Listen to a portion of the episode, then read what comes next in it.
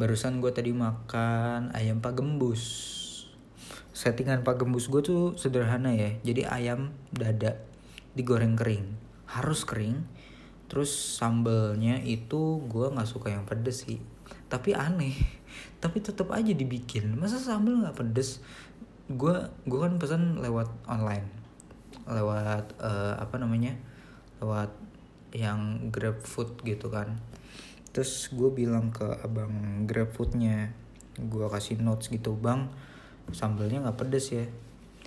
Secara nalar ya kalau abang itu nalarnya berjalan eh jangan deh ntar ntar gue di ini lagi ntar gue diserang lagi.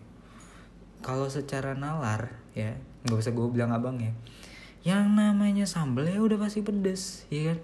Tapi gue bilangnya gini bang sambelnya nggak pedes. Itu itu langsung yang baca langsung brain freeze. Sambelnya nggak pedes. Kalau misalkan gue taruh di medsos tuh gue langsung dijadiin meme. Asli asli. Gue makanya gue suka dengan sambal pak gembus tuh karena pakai kacang mede. Kayaknya sih kacang mede ya. Terus kayak bertekstur gitu. Jadi kayak kalau misalkan pakai nasi itu ada gurih-gurihnya gitu. Nah tapi uh, karena gue orangnya nggak suka pedes suka sih pedes cuma nggak nggak terlalu suka pedes jadi gue bilangnya sambalnya nggak pedes bingung kan lu? But anyway itu tiap hari hampir kayak dalam seminggu tuh gue bisa makan penggembus lima, lima kali lah. Kayak di, kalau di rumah lagi mal apa makan malam tuh pasti pak gembus karena gue sendiri punya branchnya nggak bukan gue sih bokap gue punya cabangnya. Dan gue juga kebetulan suka nggak ada bedanya sih sebenarnya sama ayam-ayam yang lain. Cuma gue suka dengan sambelnya dan menurut gue membuka sesuatu yang menurut gue riskan sebenarnya bisa kita minimalisir kalau misalkan kita suka dengan produknya otomatis kalau kita suka dengan produknya berarti kan kita punya knowledge. Kita punya pengetahuan tentang produknya. Terus karena lu konsumsi berlebih jadi kayak lu tahu kelemahan produk lu lu tahu kelebihan produk lu. Gitu. Jadi kayak setidaknya kalau misalkan ini adalah satu usaha yang riskan yang sel yang terlalu beresiko setidaknya lu bisa meminimalisirnya dengan mempunyai knowledge atau pengetahuan tentang produk lu ini. Tapi di luar itu gue juga sebenarnya mikir juga sih kalau misalkan zaman sekarang itu uh, gue sempet gue sekarang lagi buka lowongan kerja untuk tempat baru gue jadi gue mau bikin nggak bikin sih sebenarnya franchise juga. Franchise bakso franchise bakso. Terus uh, sekarang gue lagi ribet nyari-nyari orang terus lagi ribet um, lagi ribet apa namanya lagi ribet ya nyiap nyiapin barang lah terus konsep segala macem ya gitu gitulah pusingnya. Dan beberapa gue jadi belajar sesuatu yang kalau misalkan lu melakukan sesuatu yang besar jangan sampai lu menyisakan kesempatan itu. Misalkan kesempatan lu 100% ya lu lakukan 150 sampai 200% karena kesempatan itu mungkin hanya akan datang satu kali dan kalau misalkan kita punya satu hal yang kayak misalkan ah gue nggak yakin deh kayak apa gue buka apa enggak? Tapi ya ini namanya kesempatan. Cara mengatur dari angka 150 dan 200 nya itu adalah bagaimana lu mengeluarkan semua kemampuan lu di bidang itu. Ya yang pertama sih yakin ya karena keyakinan itu adalah kunci. K O E N D eh K O E N T J I kunci. Eh jangan lama. Karena keyakinan adalah kunci yang pertama. Karena gue tahu sebenarnya ya taruhlah satu taruhlah satu kemungkinan itu di paling bawah. Worst case selalu. Pokoknya jangan pernah untuk mikir wah ternyata nanti gini nanti gini nanti gini. Oke. Okay. karena kalau sudah bisa lu apa kalau lu sudah bisa berpikir kayak gitu berarti kalau menurut gue lu tidak yakin. Karena sesuatu yang lu bikin dan lu selalu bik berpikir yang kayak enak-enaknya aja kayaknya lebih kayak lu nggak pede gitu. Gue lebih mikir ke nggak nggak pede sih. Karena kalau lu pede lu pasti mikir sampai ke, ke akar akarnya ke bawah bawahnya worst case nya kira-kira apa sih? Nah itu itu itu salah satunya. Dan yang gue bikin ini sebenarnya ya ya mumpung gue bisa aja maksudnya mumpung gue bisa kerjain dan mumpung ada waktu dalam tanda kutip waktu ya gue kerjain.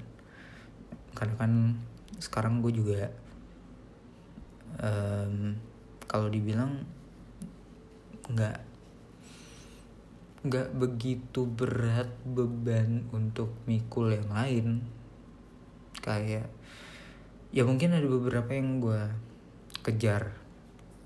Ada yang beberapa yang gue targetkan. Cuma untuk hari ini gue mencoba untuk belajar multitasking tapi dengan cara yang harafiah. Gue waktu itu sempet bat eh, sempet dengerin satu podcast gitulah tentang bisnis yang ngomong kalau lu punya target taruhlah target lu sejenak. Kadang mengejar target itu ya yang pasti capek. Cuma mau sampai kapan? Kadang untuk capek itu harus capek itu harus kita harus berhenti. Bener-bener kalau misalkan lu capek lu berhenti. Nggak ada lu ngomong capek. Apa itu capek? Nggak ada nggak ada. Karena menurut gue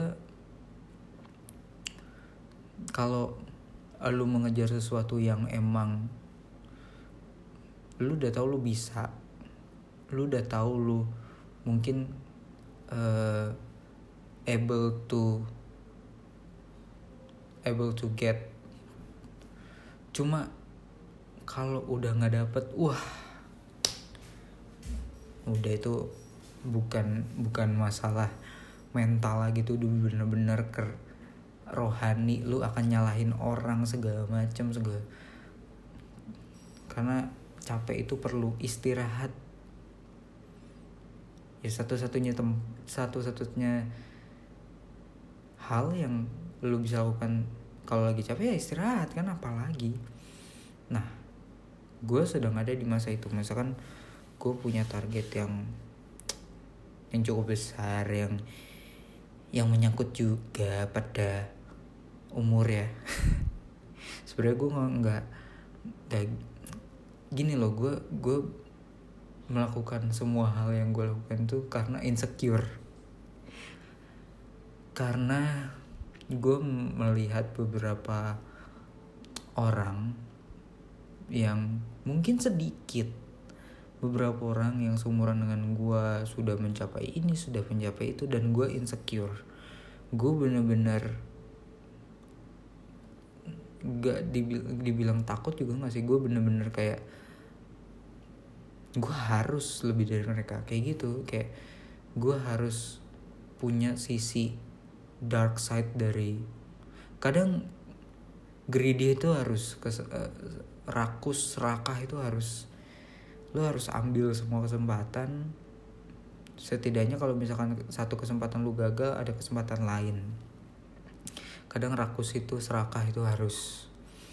Nah sebenarnya yang gue kejar itu ya itu salah satunya gue insecure dengan orang-orang yang seumuran gue tuh sudah mencapai ini sudah mencapai itu. Itu salah satu targetnya. Jadi gue sekarang mau jadi belajar ya akhirnya gue jadi kayak sering dengerin lagunya Kunto Aji rehat. Ya relate sih relate banget. Karena menurut gue di situ dituliskan gue gue setiap capek gitu pasti selalu selalu kepikiran refnya gitu kan.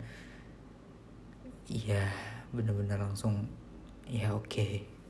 Jadi sebenarnya apa yang kita kerjakan harus ikhlasin aja legowo aja. Jangan terlalu jangan terlalu diforsir.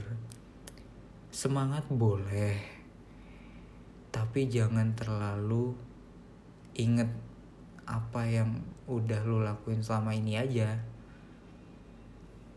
Kalau misalkan gue bisa bilang